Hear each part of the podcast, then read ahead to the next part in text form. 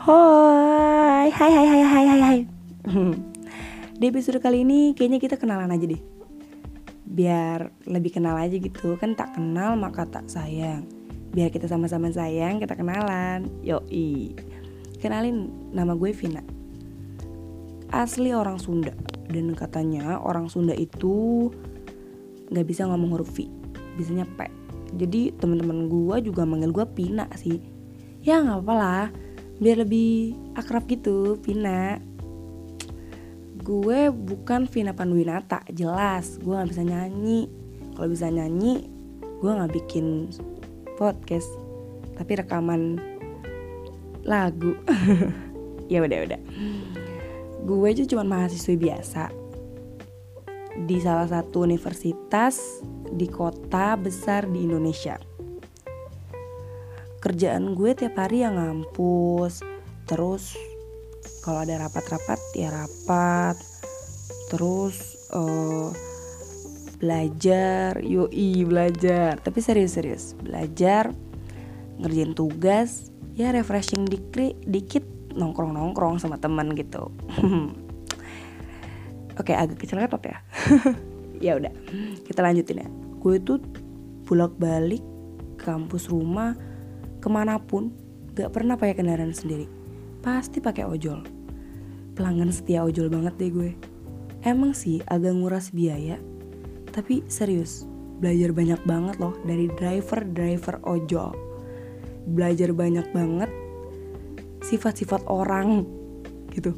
Ketika ketemu orang-orang baru sebagai driver ojol. Dari yang awalnya tuh asik banget ngobrol sampai rumah tetap asik itu ngobrolnya kita. Padahal ngobrolnya cuma gitu doang tapi kayak seru banget. Ada juga yang dari awal ketemu sampai rumah itu diem-dieman mulu.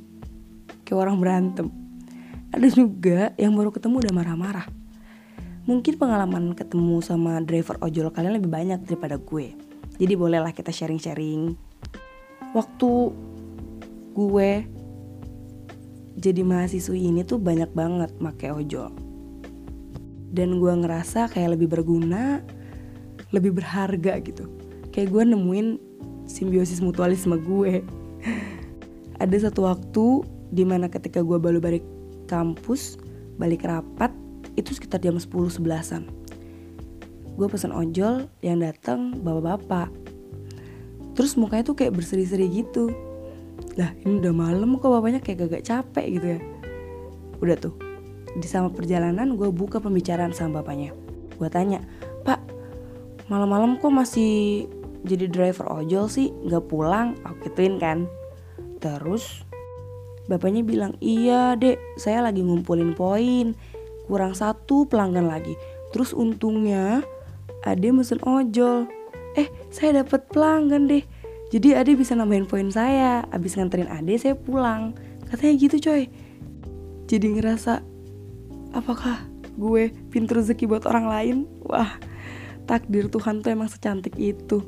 Dan di situ malam-malam pas gue udah capek Gue ngerasa kayak bahagia lagi. Wah bapaknya aja bahagia banget ketemu gue.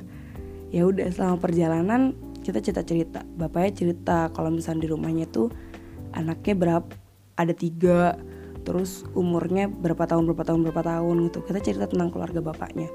Dan bapaknya emang selalu pulang sekitar jam 10-an dan selalu ngumpulin poin. Gue kurang paham sih itu poinnya buat apa. Tapi gue jadi ikutan bersyukur banget karena gue bapak itu bisa pulang cepet.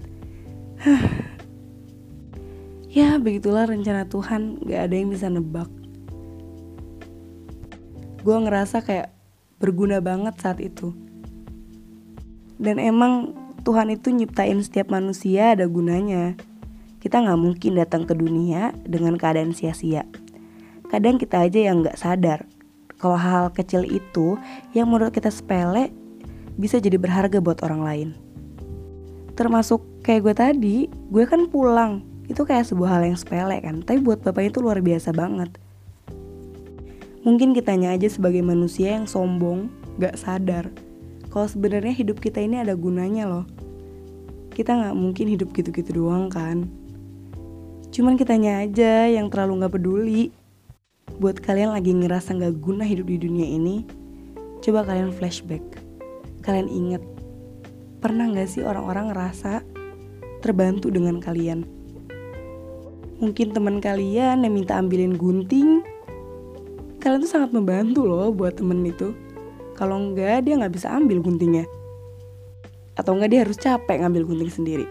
Itu hal-hal kecil yang kadang nggak kita sadarin, kalau itu kita tuh berguna buat orang lain kita terlalu sibuk sama masalah-masalah yang kita hadapin sampai kita lupa bersyukur sama apa yang udah jelas-jelas terlihat di mata kita. Kita sibuk mencari-mencari masalah-masalah yang sebenarnya bakal ada jalan keluarnya. Mulai sekarang kita harus lebih aware sama hal-hal kecil ya. Karena hal-hal kecil yang membahagiakan orang lain itu juga akan berdampak positif pada diri kita sendiri. Ya, semoga dari cerita gue ini ada sedikit kebermanfaatan buat kalian. Ingat, kita, kita ini hidup di dunia gak bakal sia-sia. Orang lain ngebutuhin kita. Kita hadir sebagai manusia, makhluk sosial yang tujuannya memang saling membantu satu sama lain. Semut aja bisa, masa kita enggak?